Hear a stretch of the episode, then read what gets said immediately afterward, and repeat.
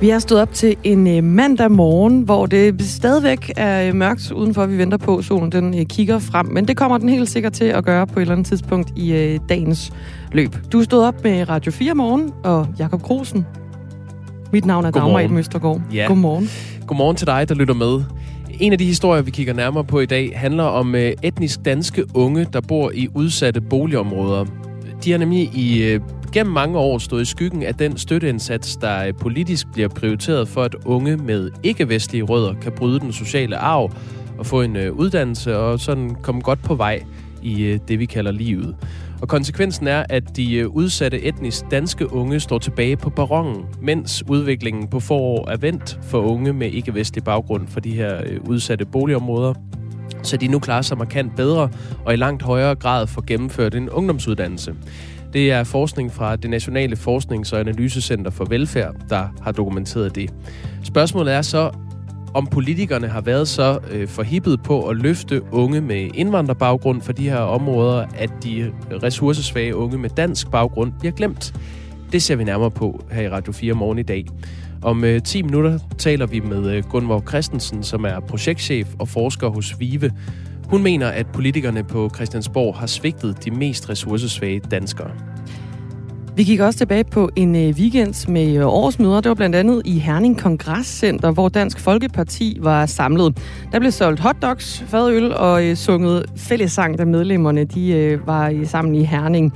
Og på trods af en turbulent tid med intense kampe, internt udmeldelser af partiet, dårlige målinger, så er partiets formand Morten Messersmith fortrøstningsfuld. Og vores reporter har fanget ham på årsmødet, og det kan du høre lige om lidt. Ligesom vi kigger øh, tilbage, så kigger vi også øh, frem på øh, dagen i dag jo. Ja, og det gør vi blandt andet med et blik mod vest. Øh, Britterne begraver dronning Elisabeth den anden i dag, og det bliver markeret over hele Storbritannien. Vi kommer både til at tale med øh, Morten Rønnelund, som har stor viden om Storbritannien, øh, om, om dagens forløb. Han er journalist. Og så taler vi også med en dansker, som bor i London, og som også synes, han skal markere dagen. Det bliver klokken øh, kvart i syv her i programmet. Klokken er 7,5 minut over 6. Du lytter til Radio 4 morgen, hvor sms'en, den øh, som så vanligt også har stået øh, tidligt op sammen med dig. Nummeret er 1424. Ja tak. Skriv ind, hvis du har inputs eller erfaringer med det, vi øh, beskæftiger os med. Godmorgen. Hotdogs, fadøl og øh, fælles sang, der blev sunget, det var, der var, det var, hvad der var på tapetet, da medlemmerne af Dansk Folkeparti var samlet til årsmøde i Herning Kongresscenter i weekenden. Det er første gang, partiet er samlet efter Morten Messerschmidt blev valgt som formand på et ekstraordinært årsmøde i januar.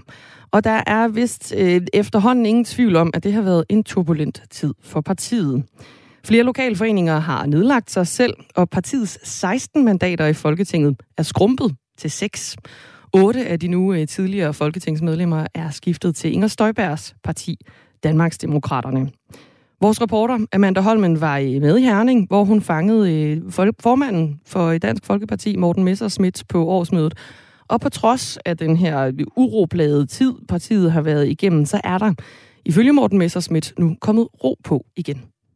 Min oplevelse er, at der er, er ro på de indre linjer, øh, og vi også kan begynde at tale politik igen. Altså, vi har lige lanceret et, et ældreudspil, vi har lanceret et ghettoudspil, øh, og det at kunne komme til at fokusere på det, der betyder noget for danskerne, det er meget værdifuldt. Og hvad skyldes det, set med dine øjne, at der så er kommet ro på de indre linjer? Ja, helt grundlæggende skyldes det jo, at dem, som, som gerne vil lave uro, de har forladt partiet øh, og fundet andre græsgange, så at sige. Øh, og øh, og øh, uanset hvad, øh, så, øh, så må vi så tage bestik af det og sige, okay, det vigtige er øh, for et parti, at man har rammerne til at øh, udvikle ny politik og også få lov til at kommunikere det. Øh, og det synes jeg egentlig, at det her øh, årsmøde har, har vist sig, øh, at vi er klar til. Med nogle målinger den seneste tid, der ligger Dansk Folkeparti rimelig tæt på spærregrænsen. Ved den seneste voksmetermåling for eksempel, der står I til 2,9 procent af stemmerne. Hvad tænker nu, når, du, når der kommer den slags målinger? Det lader jeg mig ikke påvirke af. Altså, jeg tror, at en god leder skal holde kursen, øh, også selvom det blæser. Øh, og derfor, at vi så i en periode her øh, ligger nede, jamen, øh, det er selvfølgelig træls, men ændrer jo ikke på, at, øh, at kursen skal holdes, at politikken skal udvikles, og at vi skal ud og fortælle danskerne, hvad det er, vi gerne vil på udlændingeområdet, ældreområdet, sundhed osv.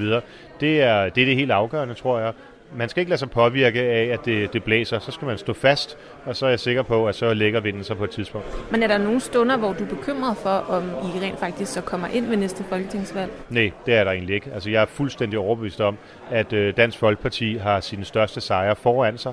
Øhm, at vi nok skal få, øh, få sat fokus på det politiske igen. Jeg kan slet ikke forestille mig, hvordan et, øh, et Danmark skulle se ud i dag, eller i fremtiden, hvis der ikke var et Dansk Folkeparti. Så jeg må bare indrømme, at jeg øh, har en klippefast tro på, at øh, vi vender stærkt tilbage. Og hvis man skulle sige, og hvis man skulle pege på nogen, hvem er så skyldig, at I, i nogle målinger ligger der omkring? Jamen, det gider jeg slet ikke gå ind i i virkeligheden. Ikke, og det er ikke for at virke respektløst over for dig, men det, det nytter jo ikke noget. Altså det, der nytter noget, det er at finde ud af, hvad er det for et parti, Dansk Folkeparti skal være. Øhm, og der har vi sat en klar kurs, en, øh, en, øh, ny både organisatorisk og også politisk øh, retning og, og ny gejst. Øhm, og det synes jeg er det, som er blevet bekræftet på det her årsmøde. Og det er sådan set det, der er det vigtige for mig. Ikke hvad der så øh, er af muligheder for navlepilleri i forhold til for et halvt år siden. Og Morten Messersmith, noget af det, som du også siger er en del af den nye kurs, det er jo også blandt andet, som du sagde inde på talerstolen tidligere, at alle ældre skal føle sig trygge. Hvad, hvad indebærer det for dig, når du siger, at alle ældre i Danmark skal føle sig trygge? En hel del, men øh, blandt andet, at, øh, at vi skal have mulighed for at sige fra, når for eksempel der kommer øh, servicepersonale med tørklæde på ind i vores private hjem. Det handler også at man, øh, om, at man skal have krav på, at hvis man får brug for en plejehjemsbolig eller anden form for hjælp, jamen øh, så skal det bare være der. Øh, så skal der ikke være, være venteliste. Og noget af det, der jo fylder rigtig meget i dansk politik i øjeblikket, det er Socialdemokratiet og de konservative. De skændes om, om konservativs vækst på 0,13 procent af det offentlige. Hvad det har betydning for, hvor mange færre offentligt ansat der måtte være i 2030. Er det en bekymring, du deler, at hvis de konservative får magten, at der så vil være en vækst, der vil betyde, at der vil være færre offentligt ansatte og potentielt færre hænder til at tage sig af de ældre? Altså, jeg er egentlig ikke så bekymret for, at de konservative får del i magten, fordi hvis de gør det, så gør de det jo øh, sammen med Dansk Folkeparti. Og vi skal nok være garanten for, at der kommer flere penge til de ældre. Jeg vil sige det sådan, at hvis der er en regering i Danmark, som er afhængig af Dansk Folkeparti, øh, og ikke fører flere penge til de ældre, jamen så er den ikke regeringsalde længe. Når det kommer til ældreplejen, når det kommer til sundhedsvæsenet, så skal der ikke spares. Så skal vi have flere øh, ansatte, og vi skal have flere rettigheder til vores, til vores ældre. Det synes jeg er fuldstændig afgørende. Så jeg kan fuldstændig afvise, at Danmark på vores stemmer får en regering, der ikke prioriterer de ældre og ikke prioriterer sundheden. Et andet spørgsmål, som jo også er øh, interessant lige nu, det er, hvordan en regering kommer til at se ud efter et kommende folketingsvalg. Og øh, vores reporter, Amanda Holmen, hun øh, talte også med Morten Messerschmidt øh, om netop det. Men han vil altså ikke i løbet af weekenden her svare på, om Dansk Folkeparti ønsker en regering med Venstres Jakob Ellemann Jensen eller de konservative Søren Pape Poulsen i spidsen.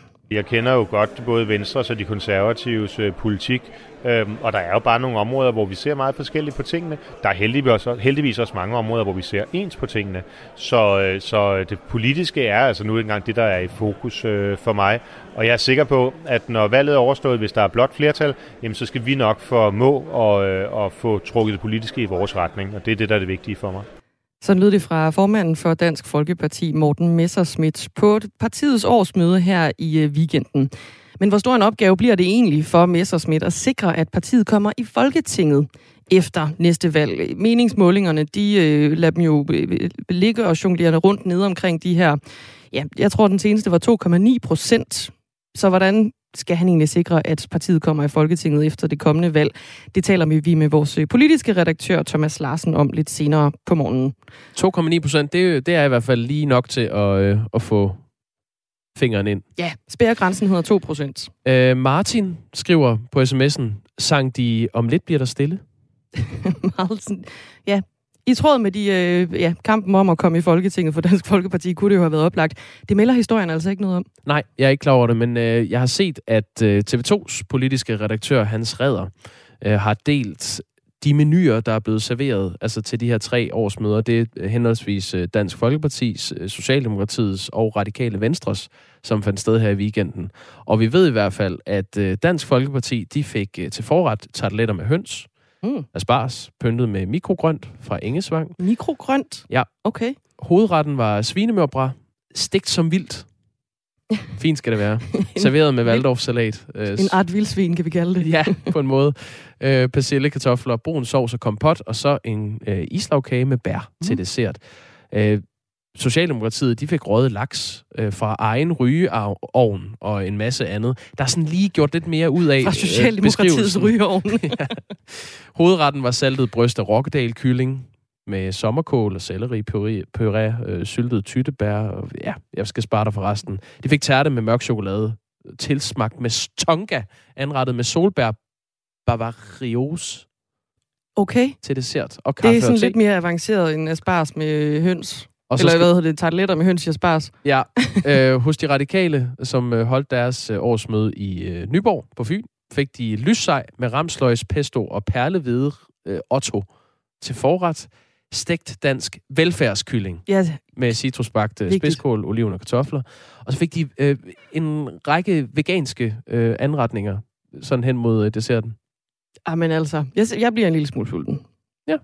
Så de har i hvert fald fået noget godt at spise øh, her i weekenden. Ja, det lyder da kanon. 16 minutter over øh, 6 er klokken. Ja, og jeg har lyst til at fortælle om en, der har haft en øh, ret dårlig weekend. Mm. det er det danske fo- fodboldikon Brian Laudrup. Ja.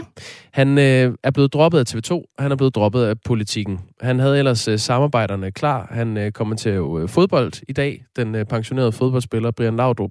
Og han er altså kommet for skade og promoverer Dubai. Ja.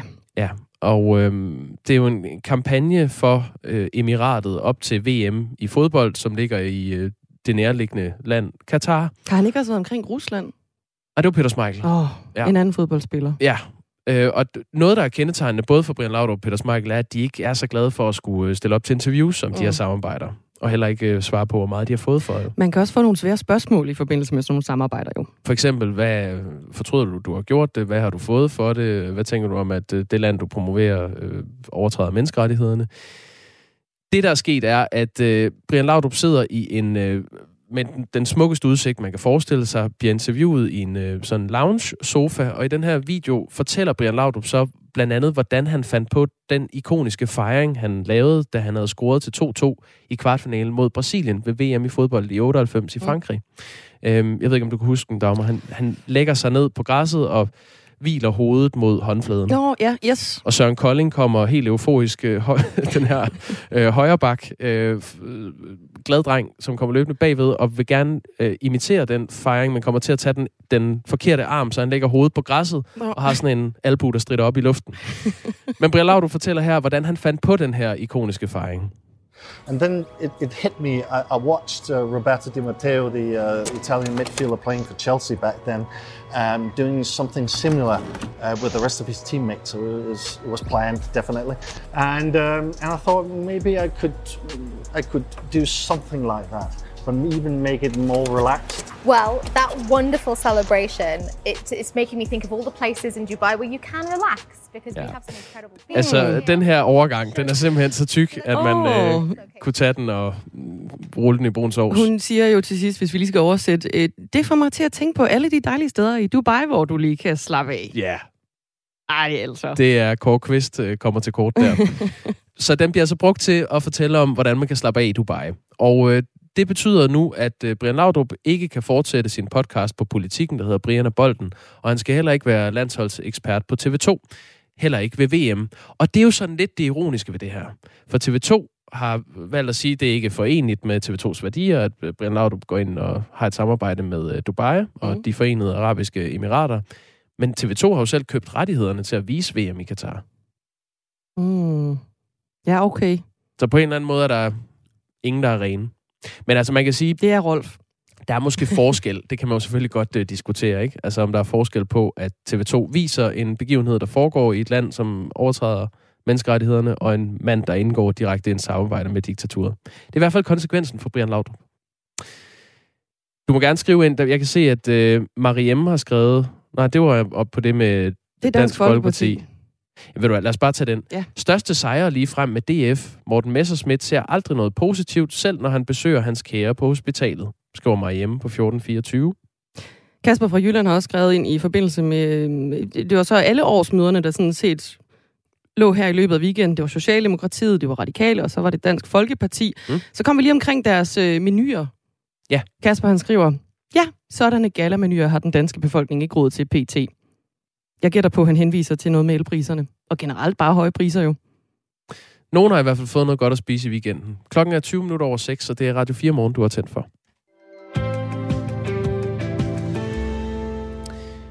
Mange års målrettet indsats for at få unge med ikke-vestlig baggrund i udsatte boligområder til at klare sig godt og få en uddannelse, har resulteret i, at de udsatte unge med dansk oprindelse ikke har fået samme hjælp og sakker bagud på uddannelsesfronten. Som en del af den politiske aftale for boligområdet bliver der afsat et millionbeløb, som skal gå til det, der hedder boligsociale indsatser i udsatte boligområder. Og det kan være alt fra, øh, fra leksikaféer, job- og uddannelsesvejledninger, hjælp til nabokonflikter og forældrekurser og så videre. Nu siger jeg godmorgen til dig, Gunvor Christensen. Godmorgen. Du er projektchef ved det Nationale Forsknings- og Analysecenter for Velfærd, også kendt som øh, VIVE, og du har forsket i det her felt i mange år. Og det du så konstaterer, det er, at de her tiltag er lykkedes med at løfte børn og unge med rødder i blandt andet Mellemøsten, Nordafrika, Tyrkiet, Pakistan og Afghanistan, altså ikke-vestlige lande, så de nu klarer sig markant bedre i forhold til skole og uddannelse. Men det her store fokus på unge med indvandrerbaggrund har gjort, at de mest ressourcesvage etniske danskere der bor i de udsatte boligområder, ikke i samme grad har fået øh, de samme chancer for at klare sig godt i livet. Hvordan kommer det til udtryk? Det vi har kigget på, det er, hvordan det går børn og unge fra 2000 og frem til nu i udsatte boligområder, hvor der har været en boligsocial indsats, og hvordan det går de her unge i forhold til skole og uddannelse. Og det er, som du siger, vi finder, at unge med det, vi også kender som minap-baggrund, altså fra Mellemøsten, Nordafrika, Pakistan, Tyrkiet, de klarer sig i gennemsnit bedre. De er altså ved at lukke uddannelsesskabet op til unge af primært etnisk dansk baggrund i befolkningen. Og når vi finder det, så handler det formentlig om, om flere forhold, altså både det, at der har været organiseret boligsociale indsatser igennem mange år målrettet, blandt andet øh, unge med, med anden etnisk baggrund, men, men unge i udsatte positioner i det hele taget. Det handler også om, at der har været tæt samarbejde mellem den kommunale kernedrift og de boligsociale indsatser. Og så kan det egentlig også handle om, at der er forskel på forældres motivation i forhold til at støtte de unges skolegang.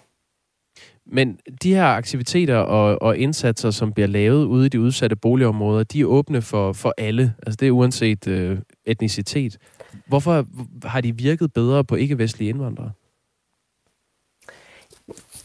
Altså det er måske ikke nødvendigvis indsatsen, der bare har virket bedre, fordi noget af det handler jo simpelthen også om at finde frem til de unge. Og noget tyder jo også på, at det, det her stærke fokus, der har været på øh, fra politisk side på unge med minoritetsbaggrund, det er jo også resulteret i, at når man øh, får fat i unge, når man rekrutterer unge, når man ser unge, så har man også haft det her blik på, at det her handler om at få løftet unge med etnisk minoritetsbaggrund. Så, så først og fremmest så skal vi jo have de unge til at komme hen til de indsatser, for at de kan blive hjulpet. Og der er noget, der tyder på, at det har været sværere at opspore de etniske danske unge, få dem ind i de boligsociale aktiviteter og få dem hjulpet videre derfra og brobygget til andre typer aktiviteter også.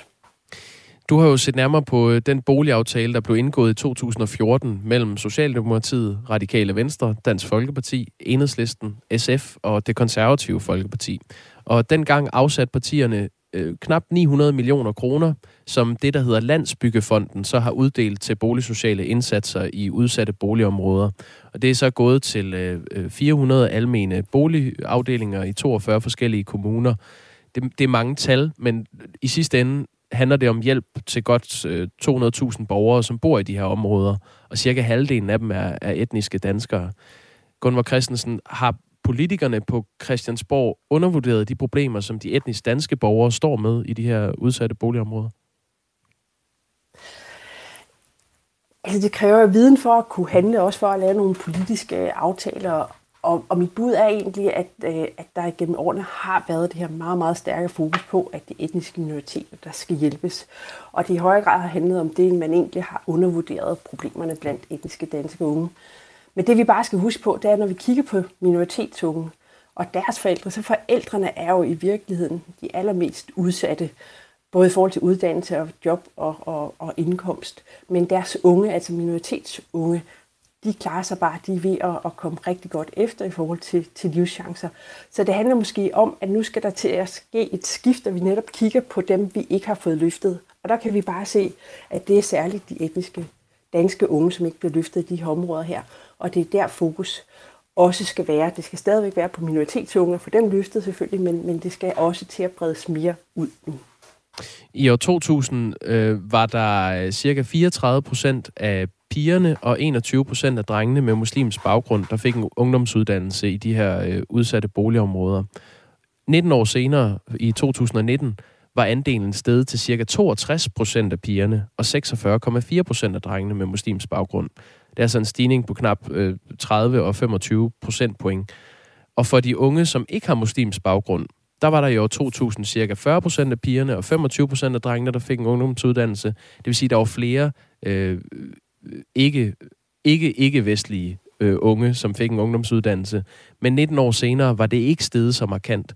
Altså der har pigerne så i 52 procent af tilfældene, og drengene i 37 procent af tilfældene fået en uddannelse, og det er de etnisk danske af slagsen. Så hvis man kigger bredt på samfundet nu, så er der, der er flest etnisk danske unge, der får gennemført en, en ungdomsuddannelse, hvis man sammenligner med unge med rødder i muslimske lande. Men i de udsatte boligområder, der er billedet lige omvendt, og det er endda ret markant. Så man har jo haft øh, succes med at få løftet unge med øh, indvandrerbaggrund i de her socialt belastede boligområder.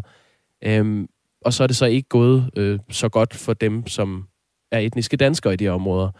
Øh, vil du alligevel sige, at de her boligsociale helhedsplaner har været en succes? Vi har jo ikke været ude at lave en decideret effektmåling, men vi kan bare se, at der har været en meget positiv udvikling i de her udsatte boligområder, hvor der har været en boligsocial indsats, som er sket i et tæt samarbejde med, med kommunerne, og hvor det er gået rigtig godt i forhold til at løfte nogle af de unge i, i nogle særligt udsatte positioner. Og det er jo sådan, i de her områder her, hvor der er blevet givet ud øh, de boligsociale indsatser, så er det jo områder, der er kendetegnet ved at have en særlig koncentration af, af øh, borgere i udsatte positioner. Og der er noget, der, der falder sammen her, og noget, noget, der tyder på, at netop de boligsociale indsatser har haft et bidrag og har stadig et bidrag til at løfte unge, og det netop kan være med til at så finmaske det velfærdsnet, der er for borgere i, i de her områder her, i forhold til, at vi får det bedste øh, potentiale ud af de unge, og i forhold til, at vi får givet de, dem de bedste livschancer for at kunne klare sig i voksenlivet og være, være selvforsørgende og aktive medborgere. Hvad skal der til for at forvente den udvikling for de udsatte unge med etnisk dansk oprindelse? Jamen, man har formentlig mange af de indsatser, der er brug for, men det handler formentlig om, at, øh, at nogle af de etniske danske unge, som er i nogle meget, meget udsatte positioner, at de kan være svære at få øje på. At, øh, at det er ikke lige dem, man ser, når man er ude i områderne. Det er ikke bare dem, der hænger ud i, i boligområderne. Det er måske nogen, der sidder og gemmer sig på værelset. Vi har andre data, som også peger i retning af, at nogle af de her etniske danske unge, de i virkeligheden også er enormt ensomme, der er psykiske vanskeligheder på spil, der kan være misbrug, der kan være øh, manglende glæde ved livet, altså ringe livskvalitet. Øh, så, så der er en stor kompleksitet af udfordringer for de her unge her, som måske kræver nogle særlige indsatser for at overhovedet finde frem til dem, for at opspore dem, for at opsøge dem, og derfra få dem over i nogle aktiviteter, som kan gøre, at de klarer sig bedre i en skole- og uddannelsesmæssig sammenhæng. Men der skal være måske et andet take på, hvordan man finder frem til de her etniske danske unge, sammenlignet med, hvordan man traditionelt har gjort i forhold til at rekruttere etniske minoritetsunge til de boligsociale aktiviteter. Lige øh, her til sidst, øh, ganske kort. Er, er det politikerne på Christiansborg, der skal tage det ansvar på sig? Det er i hvert fald en diskussion, som der er behov for, at man også tager på Christiansborg, fordi vi kan jo se, at når det handler om unge i udsatte positioner, så ser vi det rigtig hyppigt i de udsatte boligområder, men vi ser det også i de tyndt befolkede landkommuner. Så der er simpelthen en generel problemstilling omkring de unge, udsatte unge, og hvordan vi får løftet dem, som kræver, at der på Christiansborg også bliver truffet nogle aftaler om nogle rammer og vilkår for, hvordan kan man som kommune og også andre aktører bidrage til at så løfte de her unge og få løst de udfordringer, som de har. Det sagde Gunvor Christensen, som er projektchef ved det Nationale Forsknings- og Analysecenter for øh, Velfærd, også kendt som VIVE. Tak for det. Selv tak. Vi har øh, besøgt et af de områder, det her handler om. Det øh, er blandt andet Langkærparken, som ligger i Aarhus forstaden Tilst. Det er et af de øh, udsatte boligområder, hvor der bliver ydet øh, støtte til kvarterets børn og unge for at give dem de bedste muligheder for at komme øh, langt i livet. Og den reportage kan du høre lidt over halv otte her i programmet. Og så taler vi også senere med boligordførende fra henholdsvis Socialdemokratiet og det konservative Folkeparti om det her problem. Det bliver lidt over otte her i Radio 4 morgen. Som i dag beværtes af Jakob Rosen og Dagmar Eben Østergaard, og vi har masser af andet godt på beding, synes jeg. Vi har også ting, vi stadigvæk arbejder på, men det kan vi lige runde i den kommende halve time her. Først skal du nemlig have nyheder med Henrik Møring klokken er halv syv.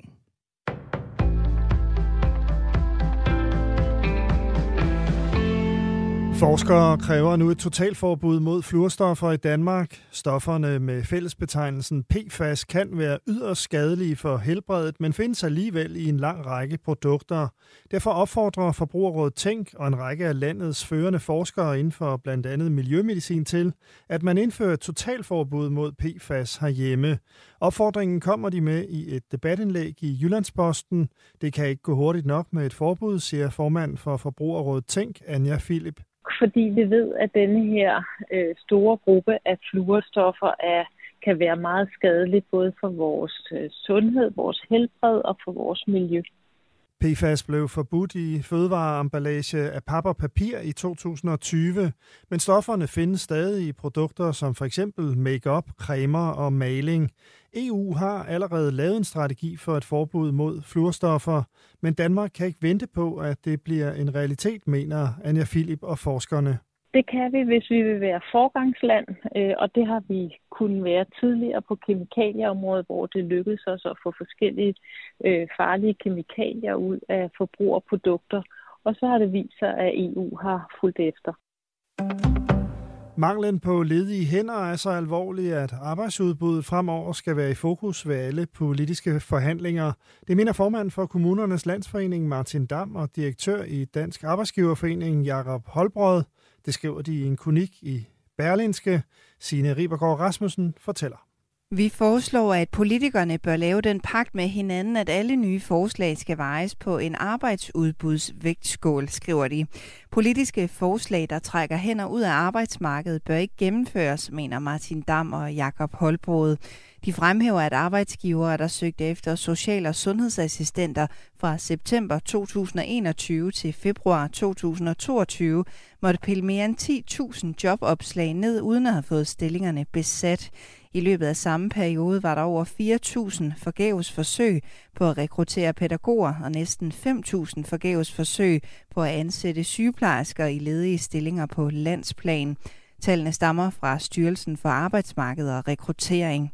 Konkret bliver det Finansministeriets opgave at regne på, hvilken indvirkning hvert enkelt politisk forslag har på arbejdsudbuddet. Coronapandemien i USA er over, det siger den amerikanske præsident Joe Biden i et interview med 60 Minutes på tv-kanalen CBS.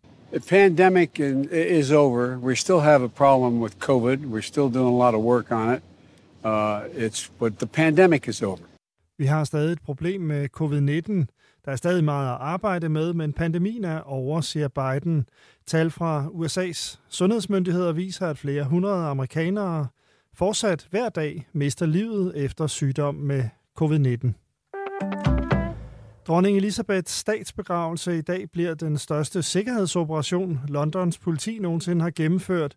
I Westminster Abbey vil mange hundrede prominente gæster være samlet til begravelsen, mens flere hundredtusinde ventes at samles i Londons gader. Politiet forbereder sig på alle tænkelige scenarier, lige fra terrorangreb over protester til folk, der bliver mast i mængden. Dronning Elisabeth den anden sad 70 år på den britiske trone, før hun døde den 8. september i en alder af 96 år. Dronning Margrethe og kronprins Frederik deltager ved begravelsen. En del sol, men i løbet af dagen byer i de sydvestlige egne 14-17 grader og lidt til frisk vind omkring nordvest.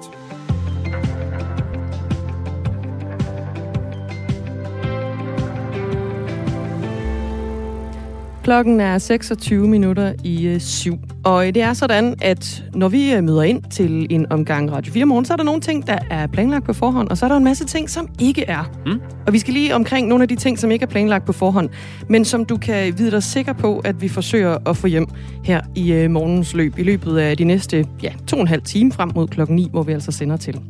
Der er historien om, at øh, radikale venstre vil sløjfe behandlingsgarantien, men det vil ikke løse problemerne i sundhedsvæsenet, mener Morten Frejl. Han er direktør i Danske Patienter, som er en øh, paraplyorganisation for patienter pårørende foreninger. Han øh, siger, det løser ikke problemerne i forhold til ulige adgang, alene af den grund, at det private fylder rigtig lidt i det samlede billede i sundhedsvæsenet i øjeblikket, og patienterne vil alligevel bruge deres private sundhedsforsikring. Behandlingsgarantien giver i øvrigt alle patienter uanset sygdom ret til at blive behandlet inden for 30 dage, og det er det, radikale venstre vil sløjfe. Den historie arbejder vi på at løfte med nogle øh, interviews her til morgen. Vi kigger også mod øh, udlandet, hvor øh, to konflikter i tidligere sovjetstater er blusset op, og det har også sået tvivl om øh, russiske sikkerhedsgarantier, sådan i landets egen baghave, kan man næsten kalde det. Sådan lyder jo vurderingen i hvert fald fra Flemming Splidsbol over for DR, og Flemming Splidsbol, han er jo fra øh, Dansk Institut for Internationale Studier, hvor han er seniorforsker. Og det er altså øh, konflikter mellem øh, Armenien og Azerbaijan, som er øh, blusset op hen over øh, de sidste par uger, og så er det også øh, på grænsen mellem øh, Kirgistan og Tajikistan, der har været sammenstød. Og så er der historien om øh, landets 98 kommuner, som godt kan glemme alt om at få ekstra hjælp til de stigende udgifter nu og her. For øh, selvom kommunerne på grund af de øh, stigende priser skal bruge flere penge på at opvarme bygninger og købe mad til institutioner og meget andet, står regeringen ikke klar med en hjælpende hånd for at få pengene til at række. Det var meldingen fra indrigsminister Christian Rabia Massen i torsdags. Og det fik straks kommunernes landsforening til at erklære, at det vil føre til massive fyringsrunder ude i kommunerne, hvis der ikke kommer hjælp. Og nu bliver regeringen så også kritiseret fra øh, sine egne socialdemokratiske partifælder ude i kommunerne. Det er også en historie, vi øh, forsøger at få hjem her til morgen. Det kunne jo være interessant at tale med nogle af de her øh, socialdemokratiske partifælder ude i øh, kommunerne om den kritik, de nu retter. Det er altid interessant. Øh, skriv endelig ind på 1424, hvis du øh, gerne vil kommentere på noget af det, vi øh, beskæftiger os med her i programmet. Der er en, der skriver om Brian Laudrup. Brian Laudrup får penge af Dubai. TV2 betaler penge til Katar. Jeg ved godt, hvad jeg synes er værst på woke-barometeret. Det er vel sådan det politiske korrekte barometer. Woke-barometeret. Der er også en, der skriver på bagkant af, at vi spillede et klip fra det der interview. Hold da helt op. I det mindste blev han interviewet af en kvinde, og så i Dubai. Mm. Det er rigtigt nok. Og hun er endda ja. gravid, øh, intervieweren. Jamen, det piker. Så det er, der er repræsentation der. Mikkel skriver også, øh, det er, øh, fordi vi også lige rundede øh, menuen på øh, de årsmøder, der har været i weekenden ved Socialdemokratiet Radikale og øh, Dansk Folkeparti. Øh, det er Radikales menu, der er faldet Mikkel for brystet. Ja. Perlehvide Otto. Jeg går ud fra, at det spiller på risotto af bløde ris, altså risengrød. Men perlehvedegrød lyder vel ikke radikalt nok? Ja, det er forretten til uh, det radikale landsmøde i weekenden i Nyborg. De har fået lys sej med ramsløgspesto og perlevede Otto. Perlehvede Otto. Ja. Ja, det, det duer ikke med grød. Det er det ikke må smart man nok. få en dag. øh, tak for sms'erne. Klokken er 22 minutter i syv, og det er Dagmar i Møstergaard og Jacob Grosen, der giver dig Radio 4 morgen i dag. Godmorgen. Lige nu frygter mange små virksomheder, at energikrisen og de høje priser tager livet af dem. Det melder flere brancheorganisationer. Mens private har skruet ned for forbruget, så vælger flere supermarkeder at slukke for køler og også for lyset for at undgå alt for store eludgifter.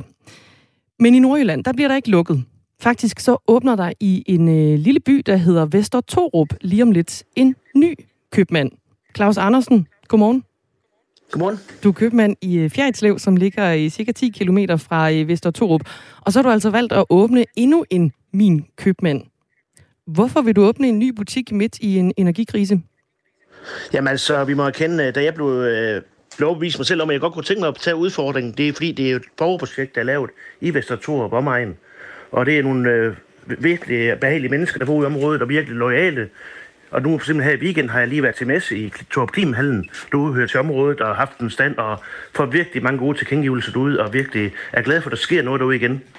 Så, så derfor, men så, så er man selvfølgelig virkelig spændt på at komme i gang igen, men man har jo også den der lidt ondt i maven, fordi nu har jeg en butik i Fjerdslev, haft det i 25 år, og ved selv, hvor meget jeg skruer på hver enkelt pære, og hvornår skal lyset tænde og så videre, og hvornår skal vi åbne hver eneste dag, man tænker over det.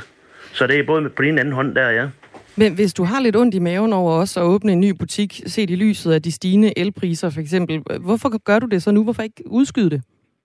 Altså, jeg håber på, at der er en regering, der sidder nu, eller også nogen, der kan hjælpe dem i hvert fald med at få lavet noget tiltag, så der, der ikke bliver mere massakre. For vi har jo set slagter lukker, bagerbutikker lukker, og købmands, små købmandsforretninger lukker, og de stopper ikke endnu, så derfor håber jeg, at de snart øh, kommer i gang med at lave nogle tiltag, og der bliver sat i værk her og nu. For ellers så, så sker der en massakre, øh, og det øh, tror jeg virkelig på, og er meget optimistisk med, at de så kan få truffen igennem, så vi kan få en fast hverdag igen i hvert fald. Fordi vi er jo mange, nu har jeg som sagt selv været købmand i 25 år. Det er vores livsstil, det er jo vores ekstra barn, den butik, vi står op til hver eneste morgen. Så mange købmænd siger.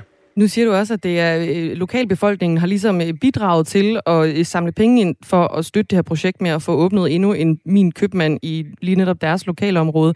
Kommer de så også til på en eller anden måde at skulle hjælpe til med de her stigende elregninger, du kan kigge ind i?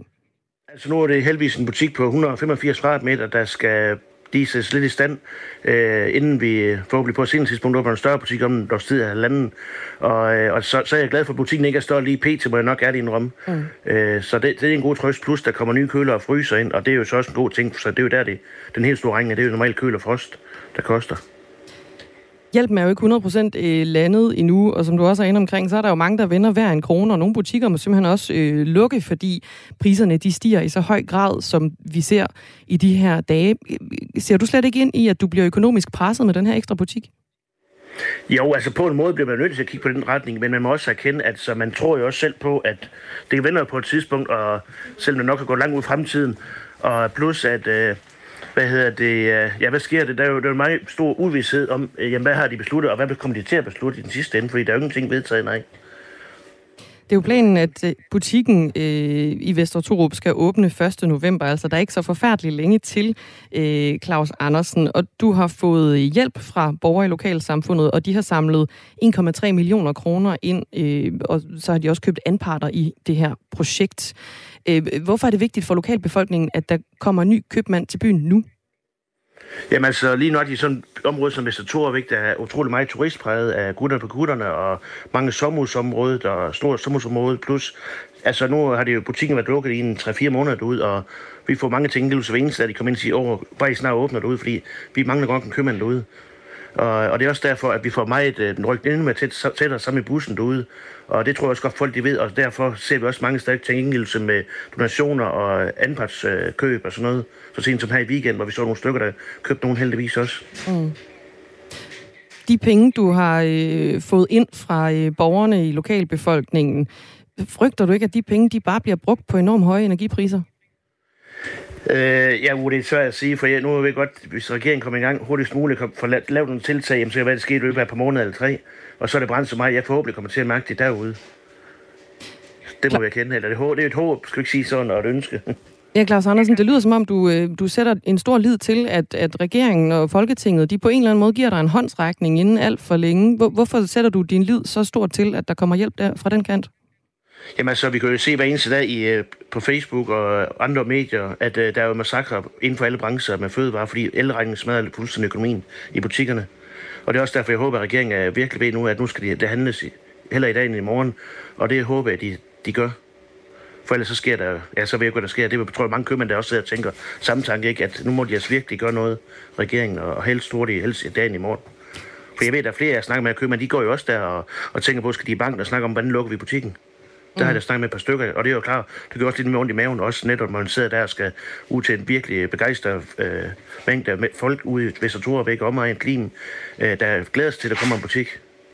Så hvis du nu kunne lave en, øh, en slags bestillingsseddel, kan vi sige, Claus Andersen, øh, hvordan skulle den så lyde øh, i forhold til den hjælp, du godt kunne tænke dig fremadrettet nu med de høje priser? Jamen altså, jeg håber bestemt på, at de vil fjerne øh, først momsen, vi skal betale ind, bare for, at de har, vi har en for igen til tilbage senere, og så plus at sænke afgiften på øh, el. Det sagde Claus Andersen, købmand i Fjerdslev, som øh, åbner en ny butik i Vester Torup i Nordjylland inden alt for længere. Det er altså en butik, som er blevet øh, samlet ind til gennem lokalbefolkningen også, som har samlet 1,3 millioner kroner ind for at få oprettet en ny min købmand i øh, deres område. Klokken den er blevet 16 minutter i syv.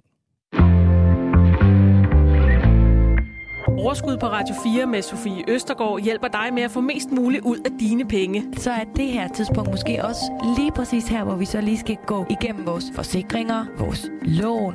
Kom i gang med at investere i aktier eller få gode råd til, hvordan du lægger dine lån om. Altså prøv lige at gøre det, og så prøv lige at se, hvor mange penge man rent faktisk skal spare. Find Overskud som podcast i vores app og lyt med tirsdag kl. 13. Radio 4 taler med Danmark. Frygten for, hvad øh, Ruslands invasion af Ukraine i sidste ende kan føre til, er ikke forsvundet, trods de øh, seneste ugers ukrainske succes på øh, slagmarken i det nordøstlige Ukraine. I lørdags satte den amerikanske studievært Scott Pelley ord på den frygt under et interview med Joe Biden, USA's præsident, i det program, der hedder 60 Minutes. Der siger Scott Pelley, studieverden, mens Ukraine har succes på slagmarken, bliver Vladimir Putin flov og trængt op i et hjørne. Og jeg tænker på, herre præsident, hvad vil du sige til ham, hvis han overvejer at bruge kemiske våben eller taktiske atomvåben? Hvad vil han sige? Don't. Don't. Don't. It will change the face of war unlike anything since World War II. En meget alvorlig øh, præsident Biden siger, ja, don't, don't, don't, lad være, lad være, lad være. Øh, du vil ændre krigens udtryk på en måde, der ikke er set siden 2. verdenskrig. Og så lover han så også konsekvenser, hvis det sker, men han vil ikke øh, sige præcis, hvordan USA i så fald vil reagere. Han siger til Scott Pelley, tror du, jeg vil sige det, hvis jeg vidste præcis, hvad det vil være? Selvfølgelig siger jeg det ikke. Men jeg kan sige, at det får konsekvenser. Ej, en hemmelighedskrammer. Mm. Og øh, nu har styret i Moskva så reageret på de her udtalelser fra præsident Joe Biden. Vladimir Putins talsmand Dmitri Peskov siger ifølge nyhedsbyrået RIA Novosti, som er et russisk nyhedsbureau, at Rusland har gjort det helt tydeligt, hvad der skal til for, at landet vil bruge atomvåben. Altså, hvornår er den røde linje overtrådt, øh, set med russiske briller, før man tager atomvåben i brug. Han siger, læs doktrinen, det hele står der. det svarer til at sende sådan et, et link til en eller anden super lang YouTube-film til ja, nogen, der diskuterer, har, øh, set i den her. Ja, har vi en opsummering af doktrinen? Nu tænker jeg ikke, vi skal læse øh, hele øh, Jeg har den her. Ja, tak. ja, jeg har taget den med. Øh, den doktrin, han henviser til, er Ruslands forsvarsdoktrin fra 2020, som øh, groft sagt øh, beskriver fire scenarier for, hvornår Rusland vil tage sine kernevåben i brug. Det er TV2, der skriver det her. Øhm, nummer et er, som svar på brugen af atom- og masseødelæggelsesvåben mod Rusland og detaljeret. Altså hvis der bliver angrebet med atomvåben, så bruger Rusland også atomvåben. Mm. Nummer to er, i tilfælde af en aggression med konventionelle våben mod Rusland, hvor statens eksistens er i fare. Nummer tre er, ved troværdige data om, at der er affyret ballistiske missiler mod Rusland eller dets allierede. Og nummer fire er, et angreb mod myndigheds- eller militære lokaliteter, der ved forstyrrelse kan hindre atomstyrken i at respondere. Det, øh, ja. Det er lidt åben det, for fortolkning. Det er lidt, ja. Det, jeg synes, det er lidt fluffy måske. det er vist bevidst. Øh, Rusland har jo også ved flere lejligheder beskyldt Ukraine for at være i færd med at anskaffe sig øh, masseudlæggelsesvåben.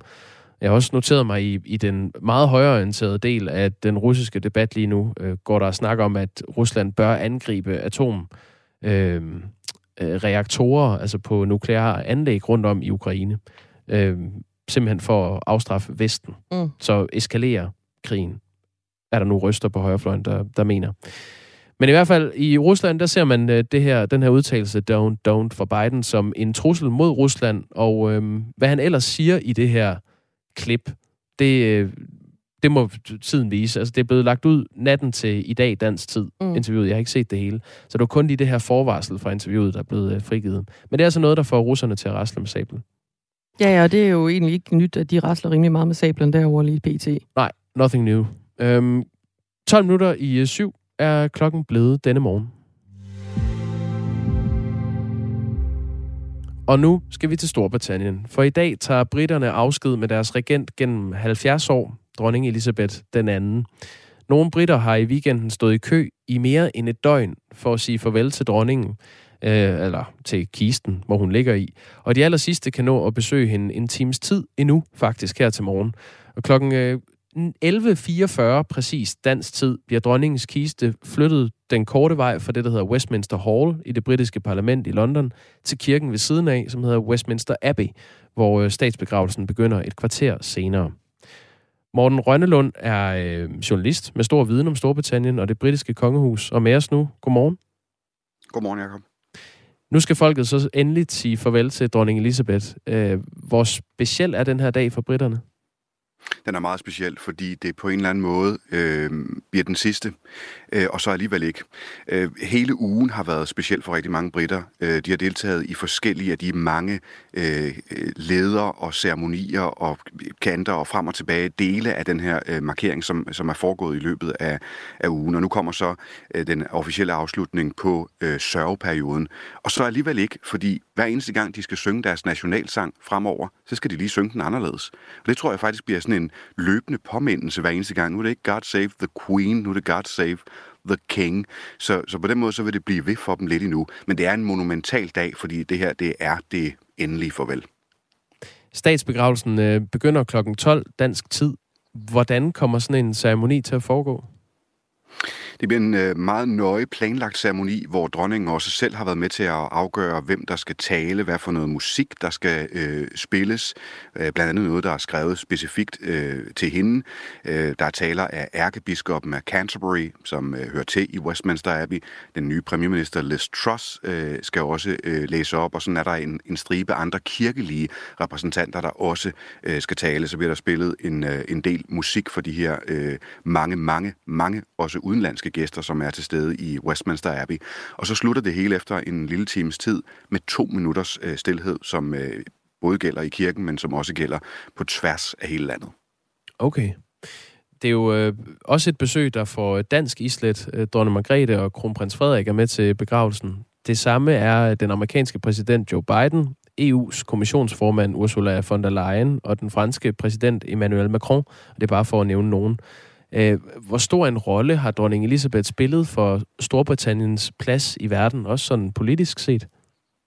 en kæmpemæssig rolle, fordi hun har været ansigtet på, øh, på imperiet, men hun har også været ansigtet på forandringen af imperiet, fordi den stor, øh, altså Storbritanniens historie er jo, ikke, er jo ikke udelukkende køn. Øh, det tror jeg, de fleste kan blive enige om. Men hun har ligesom sat et mere moderne og, og nyt ansigt på. Og så har hun haft et rigtig godt forhold til en stribe verdensledere. Altså øh, fra Mandela til en stribe af de amerikanske præsidenter har hun haft et nærmest sådan personligt, venskabeligt øh, forhold. Og det er der også mange af lederne i andre nationer, der siger, at de, at de har haft. Så hende personligt har virkelig haft en kæmpe betydning øh, øh, i forhold til at være ansigt for, øh, for Storbritannien som helhed.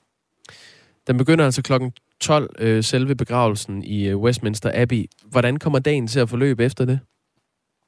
Ja, bagefter så skal kisten transporteres videre, og det gør den på den øh, kanonvogn, som, øh, som vi har set nogle gange, hvis man har set det på, på tv. Så skal øh, kisten igennem det centrale London forbi Buckingham Palace en sidste gang. Og lige om bag ved Buckingham Palace på hjørnet af Hyde Park, der er The Wellington Arch. Og her stopper processionen så, og kisten kommer over i øh, fra den her kanonvogn til en rigtig bil, for nu skal den faktisk ud på en øh, lidt længere tur. Øh, når den er kommet over i bilen, så kører den øh, ud af London, ud forbi Heathrow Lufthavnen, som øh, mange danskere kender, og videre ud til Windsor Castle, øh, som, som er det andet øh, hjem for, øh, for, for kongefamilien. Og derude vil der så være en række ceremonier mere, udover der også er procession op ad en lang øh, boulevard. Øh, først en ceremoni, hvor vi er nede på 800 gæster, blandt andet med, med, med udenlandske kongelige, og så til aller, aller sidst ud på aftenen en helt, helt helt privat begravelsesceremoni med kun den allernærmeste familie, før hun bliver begravet, rent faktisk begravet i St. George's uh, Chapel uh, ved siden af sin mand. Tak skal du have, Morten Rønnelund. Selv tak. Journalist med uh, stor viden om Storbritannien og det britiske kongehus. Og uh, Ralf Lauritsen Rasmussen er også med os, uh, dansker, som har boet i London i 13 år. Godmorgen, Ralf. Godmorgen.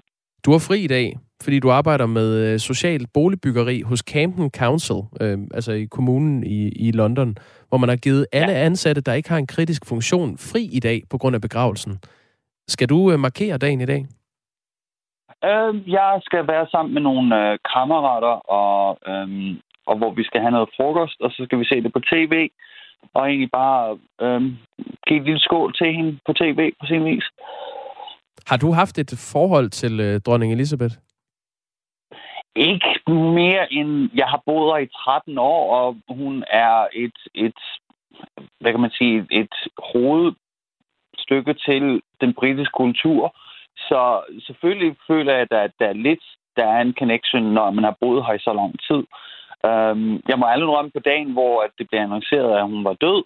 Der blev jeg sgu lidt ked af det. Jeg var lidt overrasket over, hvor ked jeg blev det. Men jeg tror, det er mere, at vi har alle prøvet at miste en, øh, når vi, jeg er i slut 30'erne, så jeg har prøvet, jeg har mistet en, en, en far, og jeg har mistet bedsteforældre, så lige pludselig, man, man kan godt føle den sorg, som den, den kongefamilie nu må føle, ikke? Ja. Hvad med dine britiske venner? Hvordan har de reageret? Det er lidt forskelligt. Uh, selvfølgelig er der nogen, der er for kongehuset, så er der nogen, der er imod kongehuset, og det, det, det er, som det er. Øh, men generelt, så, så er folk kede af det, og vil gerne markere dagen øh, den, den bedste måde, man kan gøre det på. Jeg har flere kammerater, der har været inde og stå i køen uh, for at komme ind og se kisten omkring 13-14 timer.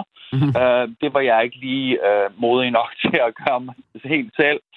Øhm, men øh, det, det, ja, jeg har endda haft en kammerat, der var inde og set kisten to gange, så han har været der 28 timer. Men, men jeg ved, at, at du var hen og se øh, de blomster, der blev lagt ved dronningens bolig i London, altså øh, Buckingham Palace. Hvordan var stemningen der? Den var somber, men det var også, det, det, man kunne også godt mærke, at der var utrolig meget kærlighed for hende. Hun, hun har været på tronen i 70 år, så øh, vi, vi jo kun lige fejrede 70 år jubilæumet øh, her i England, og det var også markeret med stor fest og fanfare og så videre, så det, det føles lidt underligt. Nu skal vi begrave dronningen øh, lige efter det. Øhm, så da jeg var deroppe, der var blomster alle steder, der var øh, breve, um, og så har det også været, de bliver nødt til at gå ud og sige til befolkningen, lad nu være med at lægge marmeladesandwicher, fordi de har de kørt, øh, dronningen lavede en lille video til øh, jubilæumet med Paddington Bear, um, og så, så folk begyndte at lægge øh, Paddington Bear bamser og marmeladesandwicher. Ja, det, det var jo noget af det, hun gjorde, hvor hun viste lidt kant og lidt humor. Øhm, så yeah. den gik rent ind, den der øh, reklamevideo. Øhm, Ralf Lauritsen øh, Rasmussen, du er altså dansker og bor i London, og jeg ved, at du ja. sammen med dit kor, London Gay Men's Choir, uh, Chorus, Choir hedder det vel? Chorus? Ja. Uh, chorus, Chorus. Chorus. Ja. Har indspillet en version af God Save the King, og sendt den som en hilsen til jeres nye regent, uh, Kong Charles. Hvorfor har I valgt at ja. gøre det? Um, jeg, jeg tror, de fleste fagforeninger og, og charities osv. herovre, de har sendt en meddelelse af konvolution til kongehuset, Uh, og det føles ret vigtigt for, vi er, vi er det største LGBTQ plus kor i Europa, så det føles meget vigtigt at markere dagen, specielt i, i det, vi er et engelsk kor. Uh, men vi repræsenterer mere eller mindre, uh, at vi repræsenterer hele verden på sin vis, fordi vi er et meget mangfoldigt uh, kor, uh, kor. Så uh, det var meget vigtigt for os at sende det til kongehuset. Tak fordi du var med, Ralf Lauritsen Rasmussen. Tak skal du have. Og have en god dag. I lige Trods begravelse og det hele. Øh, Ralf, ja. som er dansker og bor i øh, London. Klokken er to og et halvt minut i syv på denne mandag morgen her i Danmark. Og lad os lige runde uh, sms'en, inden vi giver stafetten videre til Henrik Møring og nyhederne. Lad os. Øh, vi vender lige tilbage til nogle menuer fra weekendens årsmøder. Kasper fra Jylland, han kommer nemlig med en rettelse til øh, menuen ved Dansk Folkepartis årsmøde, som foregik i Herning. Nå. Han skriver, godmorgen. Der var en fejl i DF-menuen, som retteligt var kogt torsk eller messersmith med spærgrænsesalat og masser af hvide kartofler og hvid sovs. Uha, Kasper, du danser på en grav, der ikke er, er gravet endnu. Det er sandt. Øhm, tak for sms'en. Det, det de retteligt fik øh, til hovedret på årsmødet for Dansk Folkeparti, var svinemørbræd, stegt som vildt, serveret med valdorfsalat, små persillekartofler, brun sovs og kompot. Og så var der islagkage med bær, kaffe og te til dessert. Der er også kommet en anden sms, det er på en af de historier, vi øh, dykker ned i her i morgens løb, mm. som handler om, at øh, udsatte danskere, altså etniske danskere, de sakker bagud i forhold til uddannelse i nogle af de boligsociale områder. Der er en, der skriver, hvor vil det være fantastisk for en gang skyld at rose unge med anden etnisk baggrund, når de klarer sig godt, frem for en lang forklaring, når unge etniske danskere ikke klarer sig godt. Ja, tak for øh, det indspark. Det er jo sådan set, øh, vores ærne er ikke at øh, på den måde gå ind og kritisere, at der er nogen, der klarer sig godt i de her områder. Det er mere øh, det fokus, der har været på at få løftet øh, unge indvandrere med ikke-vestlig øh, baggrund, der bor i de her udsatte boligområder. Det politiske fokus kan have overskygget for de indsatser, som man så øh, Øh, ikke har fået sat i værk for de etnisk danske, der bor i de udsatte boligområder. Det burde jo egentlig være både og, og ikke enten eller. Så det er den, øh, det er den problematik, vi forsøger at løfte her til morgen. Og det er også øh, en problematik, vi kigger nærmere på. Vi skal nemlig til øh, Tilsli uden for øh, Aarhus, Langkærparken, hvor, øh, som er et af de her udsatte boligområder, der har en boligsocial helhedsplan. Og vi har altså været et øh, smut forbi øh, det område, og øh, du kan høre en reportage herfra i øh, den kommende time. Det er cirka 26 minutter i 8. Lige nu er klokken syv, og vi skal have nyheder med Henrik Møring.